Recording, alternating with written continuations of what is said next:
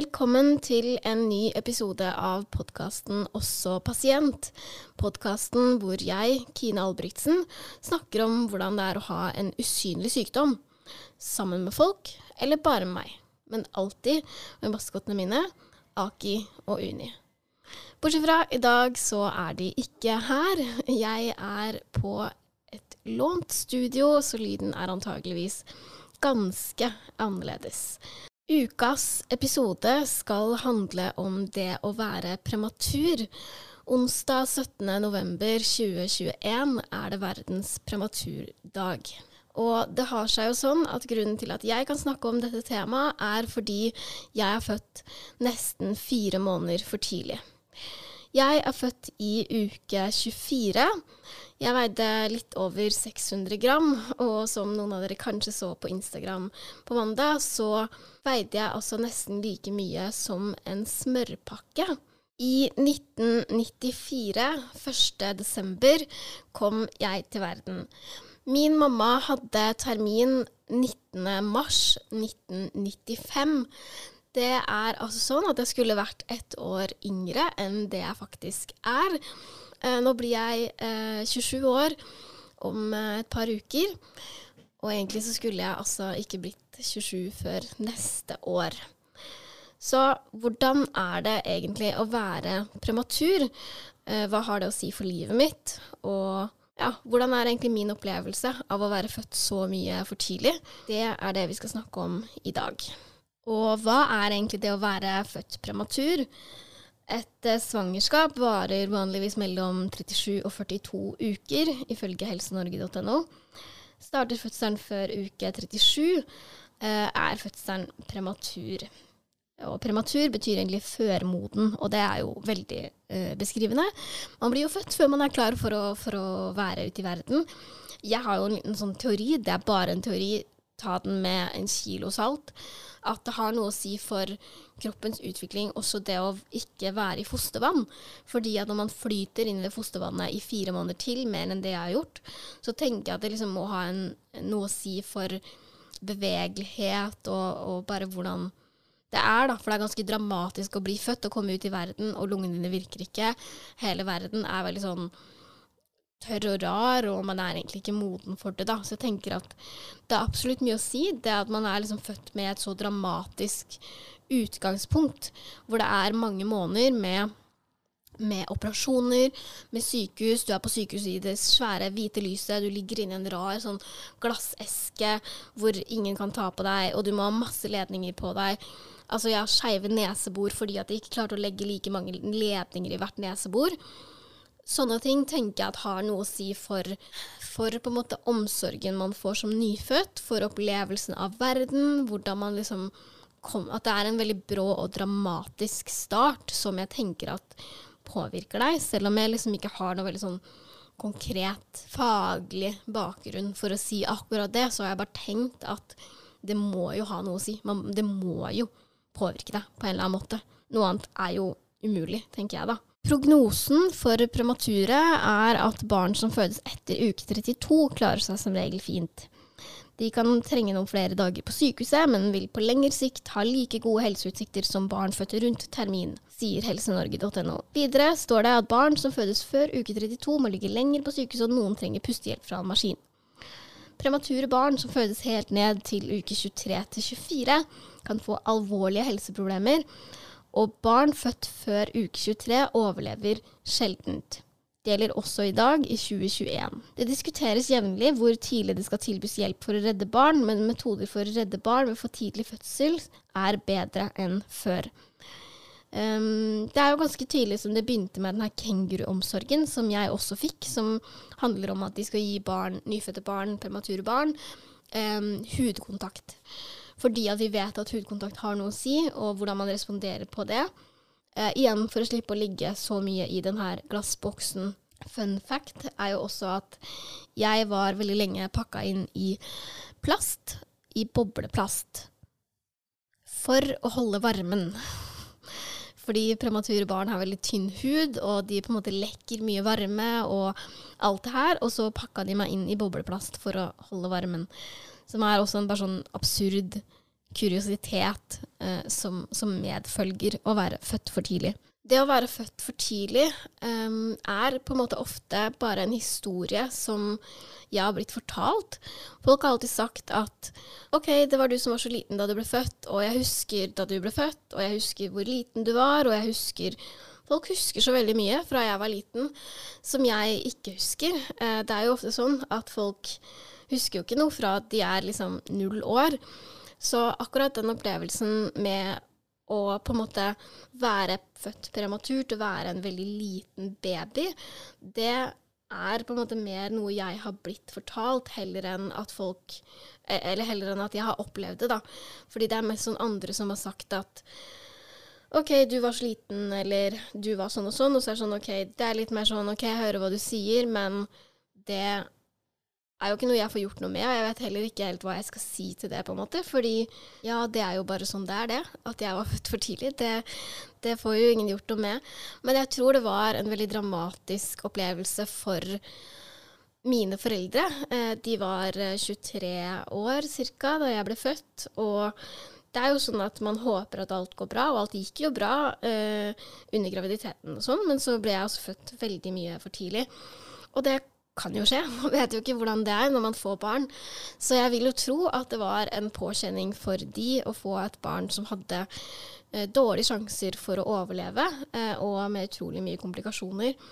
De eh, ble fortalt på sykehuset at hvis jeg døde, så hadde det vært tilnærma en abort. Det er jo altså sånn at på et tidspunkt så er det faktisk en abort, og det er jo få barn som er levedyktige når de blir født i uke 24, sånn som jeg ble. I hvert fall for nesten 30 år siden så er det jo ikke så mange som, som overlever og som klarer seg bra, da. Faktisk så er det jo sånn at i Nederland, sist jeg sjekka, det var vel tidligere i år, så redder de faktisk ikke barn som er født før uke 25. Så hadde jeg blitt født i Nederland, så hadde jeg altså ikke overlevd, fordi de hadde ikke hjulpet meg. Og det er jo klart at når du er født nesten fire måneder for tidlig, så trenger du en del hjelp. Um, jeg, lunge, en, jeg har en sånn kronisk lungesykdom pga. Uh, at jeg had, lå mye i respirator. Hadde mye puste, pustehjelp fordi at lungene mine var underutvikla. Og eh, jeg hadde en sånn medfødt hjertefeil som de måtte operere, så jeg er hjerteoperert. Altså det er masse, masse greier. Jeg har fått utrolig mange blodoverføringer. Jeg har hatt utrolig mye komplikasjoner med sepsis og med lungeblødninger og det ene og det andre, som har vært da jeg var liten. Som jo ikke jeg husker så mye av, men som jeg skjønner at på en måte tar på da på en, på en baby. Og, men det er liksom rart å tenke tilbake på fordi at jeg ikke husker det. Det er på en måte Ja, jeg vet at det har skjedd, jeg vet at det var sånn, og jeg vet at det var en påkjenning for alle de rundt meg å ha en så syk baby som de lenge ikke visste om kom til å overleve. Men for meg så er jo det bare en historie jeg har blitt fortalt. Så det er på en måte en Det blir nesten en litt sånn fun fact, fordi ja, jeg vet det, det skjedde, men, men jeg har jo ikke noe minne av det. Jeg har jo liksom ikke noe forhold til at det skjedde. Så det er en litt sånn rar, rar ting å vite at man er født veldig prematur, fordi at det har antageligvis en del å si for livet mitt i dag, men, men jeg har jo ikke noe minne av det, og jeg det, Altså, jeg har jo ikke levd et ikke prematurfødt liv.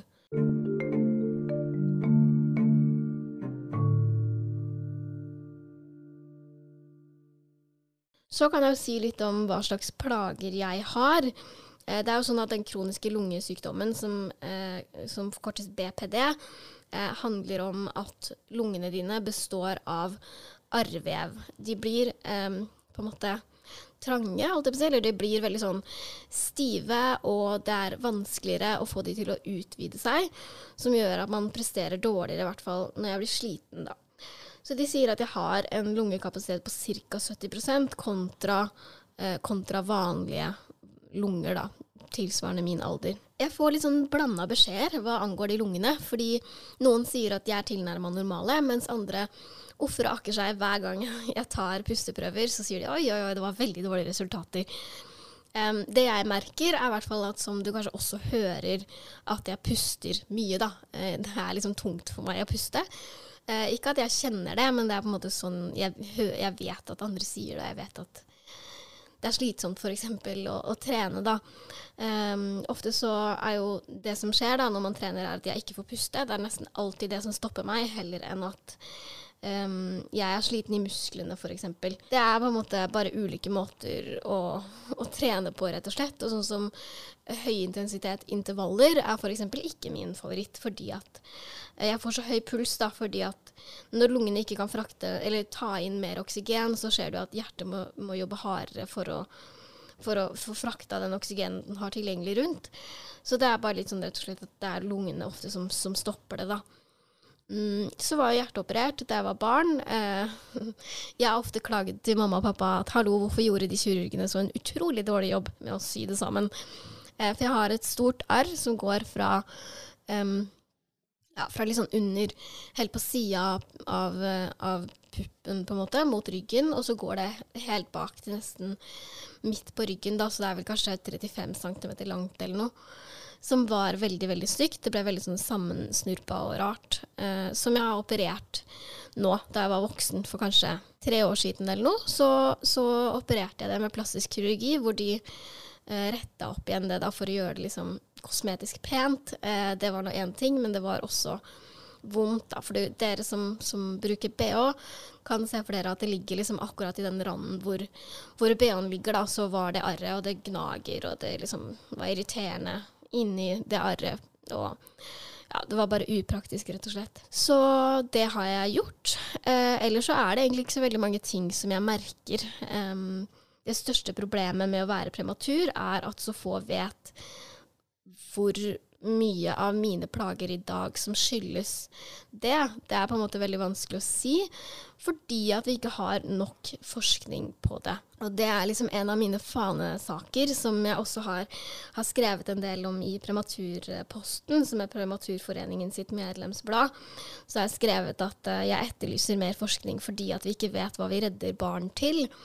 Det er jo sånn at man har ganske mye høyere sjanse for å, være, for å bli ufør. I vår kom det en utgave av Prematurposten som handler om voksne premature, og hvordan gikk det egentlig.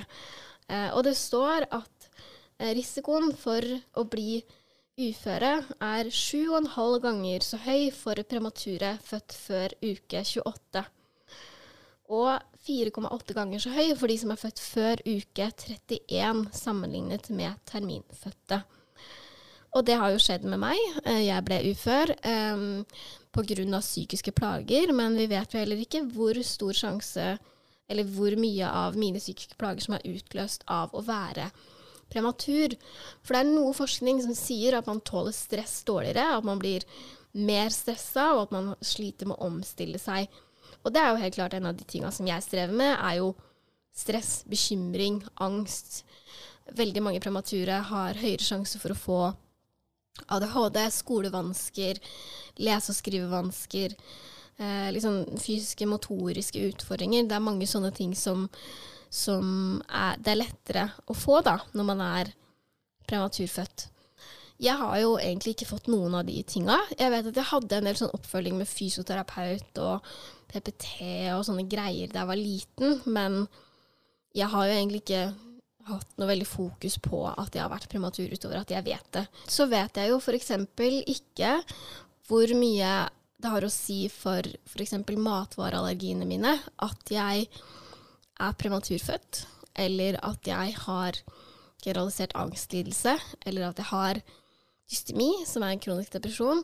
Jeg vet jo at mye arv og miljø er liksom to ting som påvirker, og en del av det er helt klart miljø og opplevelser som jeg har hatt, men hadde jeg vært mer robust og mer resilient for de utfordringene jeg har blitt utsatt for da, eller opplevd hvis jeg ikke hadde vært prematurfødt, hvis jeg hadde vært født til termin.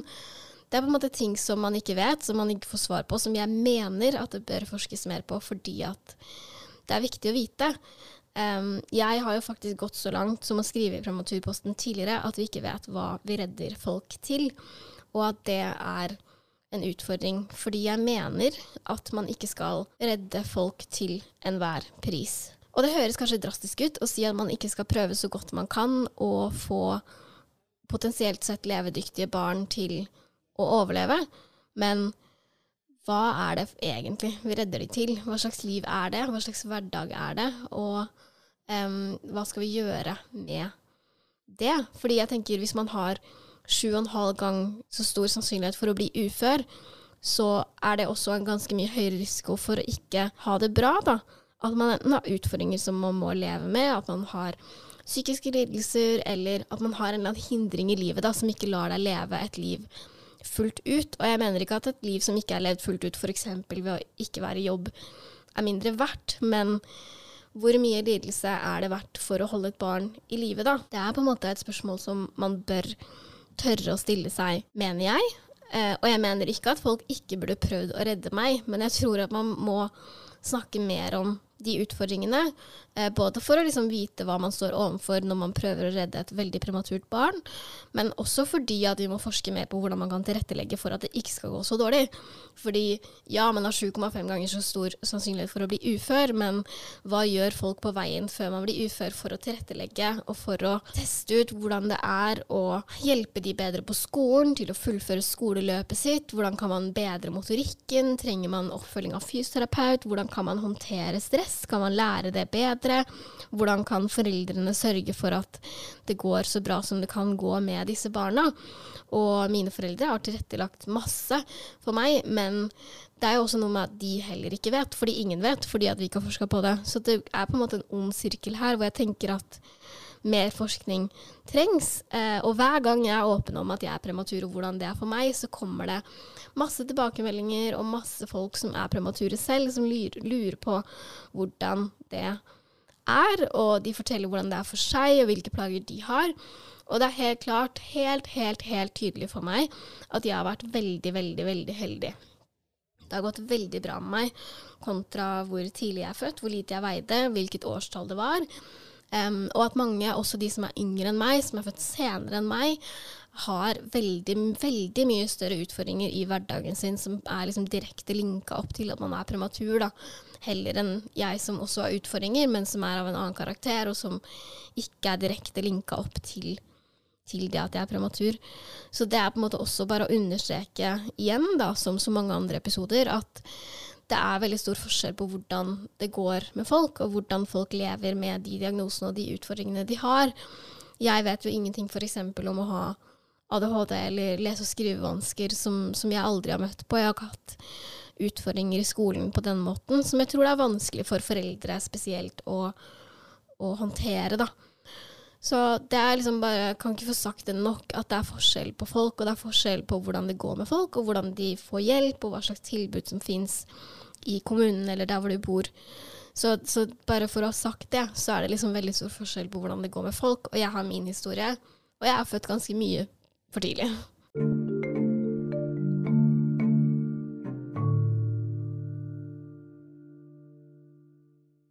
Og jeg har lyst til å sitere mm, litt fra Prematurposten.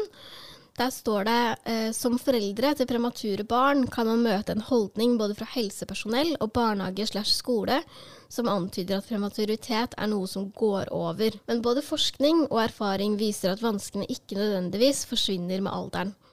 Kunnskap og tilrettelegging er viktig fordi problemene ikke trenger å være synlige for andre, men viser seg i kravsituasjoner i skole og sosialt, og sånn sett kan bli mer fremtredende med økende alder. Og det tenker jeg at er viktig å ta med seg at det ikke går over.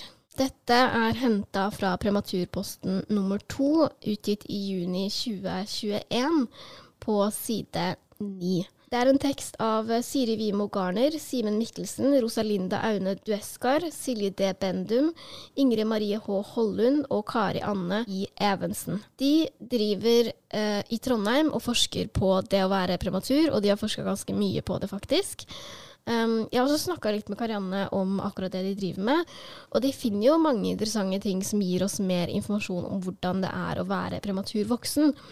Og Prematurforeningen sier også at det kommer flere som tar kontakt med de, som lurer på hvordan det er og hvilken forskning man har, og folk lurer ofte på det å ha på en måte et fellesskap eller å få, få vite mer og hvordan, hvordan, det går, da. For det krever jo utrolig mye ressurser, og jeg tenker at jeg som, som enkeltmenneske gjerne vil, vil bidra, da. Jeg vil betale skatt, jeg vil bidra til samfunnet i den grad jeg kan.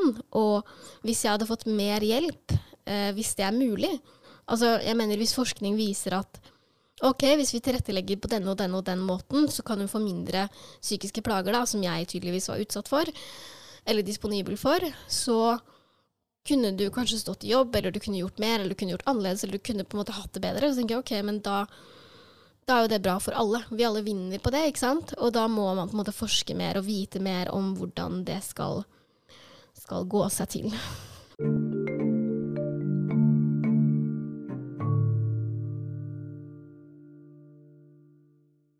På det minste så veide jeg ca. 620 gram, som er litt over en halv kilo. Mange barn er jo ofte typ fire kilo mer, som er ganske sykt å tenke på, egentlig. Det er overraskende, også for meg, um, at det, det, på en måte går an. Så det å være prematur er en historie jeg har blitt fortalt. Jeg har hørt så mange ganger at 'å, det var du som var så liten da du ble født' en gang. Så det, det er også skrevet om i Prematurposten før. En gang så kom jeg inn for å bytte dekk på bilen min. Jeg hadde fått reparert dekket på bilen. Eh, og skulle hente det på en bensinstasjon. Og så kommer jeg til kassa og sier hei, jeg skal hente et dekk. Det står på Kine Albrigtsen. Og så sier hun oi, du, du er jo et mirakel. Og jeg bare tenkte sånn eh, er du gæren, eller hva er det som skjer nå, på en måte? Fordi jeg visste ikke hvem hun her dama var. Og så sier hun 'Det var du som var så liten da du ble født'. Og jeg bare sånn «Eh, 'Ja, men kan jeg få dekket mitt, eller hvordan står det til?' på en måte. Og det var jo hjemme på bygda da jeg vokste opp, og alle kjenner alle. Men jeg kjenner jo ikke de som mine foreldre kjente da jeg ble født, som de kanskje ikke har så mye kontakt med lenger. Eller, ja, så jeg dro i hvert fall hjem da, helt forvirra, og bare spurte mamma og pappa. Jeg bare hva er det som skjer? Liksom, hvem er det? Hvorfor tror hun at jeg er et mirakel? på en måte? Det er jo helt sjukt. Eh, så var det liksom en bekjent, da, fordi det er jo klart at flere sikkert visste om, visste om det når man får en baby veldig sånn uforutsett så mye for tidlig. Eh, det er jo mye planlegging som, som ikke, man ikke rekker, rett og slett. Og det var litt sånn, man hadde ikke mobiltelefoner, og det var nok veldig, veldig mye mer stressende pga.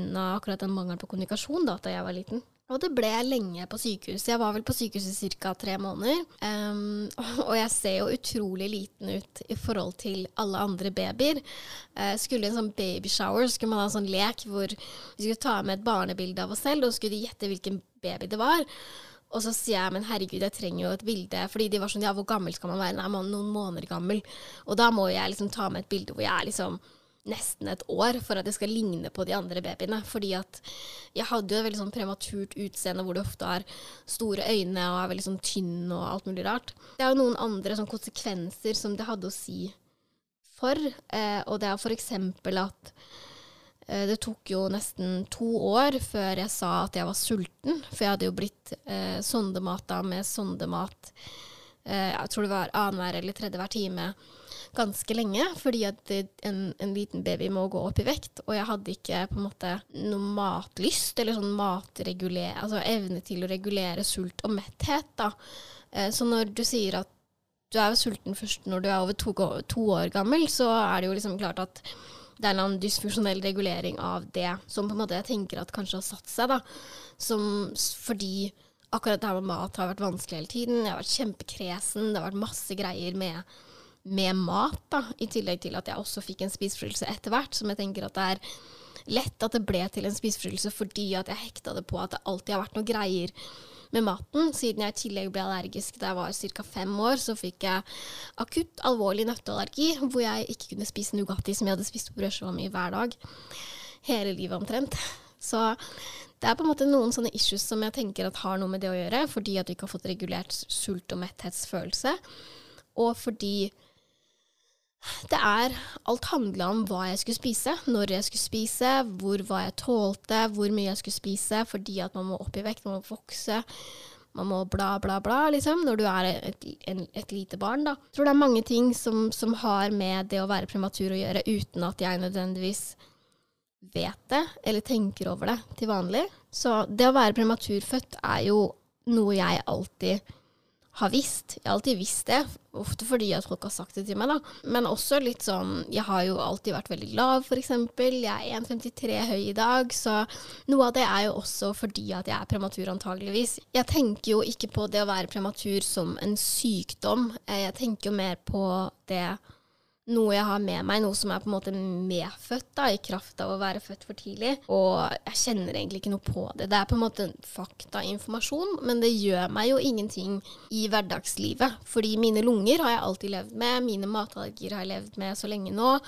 At det er jo liksom ikke noe som jeg tenker over sånn til vanlig. Det er mer sånn en finurlig, rar faktainformasjon som man kan dra frem der hvor det er relevant. Men det har jo ikke noe å si for meg, og jeg lever et godt liv i dag selv om jeg er prematur. så så på en annen side, da, bortsett fra alt det Eller liksom Sett opp mot det andre negative jeg har sagt, så påvirker det meg jo ikke. Jeg tenker ikke på det ukentlig eller kanskje månedlig, på en måte, at jeg er prematur.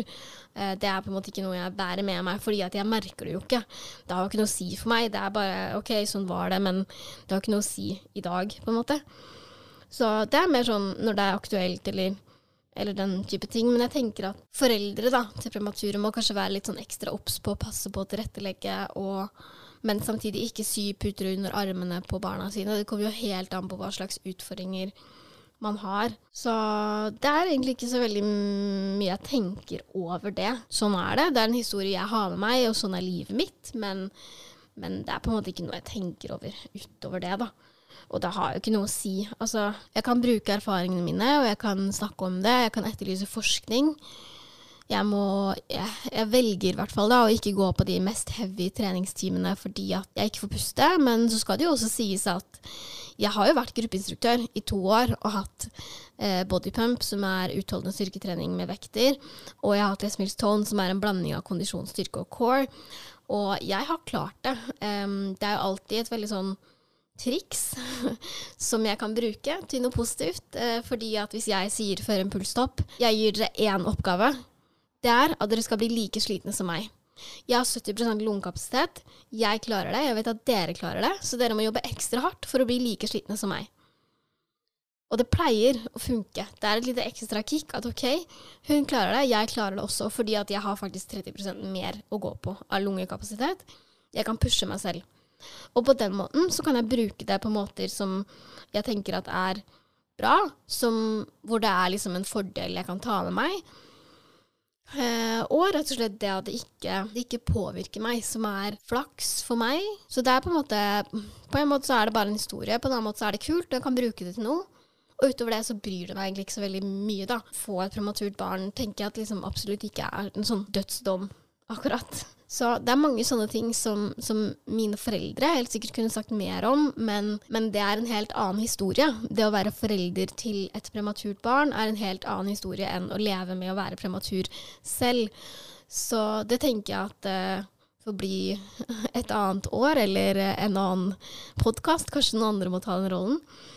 Um, I hvert fall så tenker jeg at det er en helt annen, helt annen perspektiv da også, å gå gjennom alle de eh, egentlig dramatiske og traumatiske ukene med å ikke vite om barnet ditt overlever, og hvordan det går, og ja, alle mulige hjerneblødninger, hjerneskader, alt som kan skje når man er født for tidlig, da, eh, og hvor lenge det faktisk kan gå dårlig, og hvor dramatisk det er å være så lenge på sykehus. og det er liksom noen andres historie å fortelle, eh, mens jeg kan jo si nå litt om hvordan det er for meg å ha vært eh, så, så, prematur, da.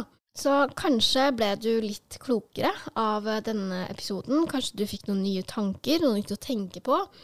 Um, hvis du har noen spørsmål, så er det bare å stille de, så kan jeg svare på Instagram i løpet av uka. Så hvis du ser noen lilla bygg uh, utover på i dag, da, onsdag, når denne episoden kommer, eh, så er det altså for å markere verdens prematurdag.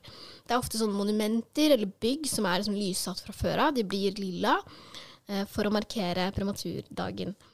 Så hvis du går inn på prematurforeningen.no, så finner du en del informasjon, uh, og også de utgavene av Prematurposten jeg uh, har henvist til, kan jeg skrive om i, i shownotes i den episodebeskrivelsen som står under, under, der. Det er jo også veldig gode forutsetninger for at det blir bedre, uh, særlig NTNU Trondheim forsker på premature, og det går virkelig fremover med å få mer informasjon om hvordan det er å være prematurfødt, og hvordan det går når man er voksen.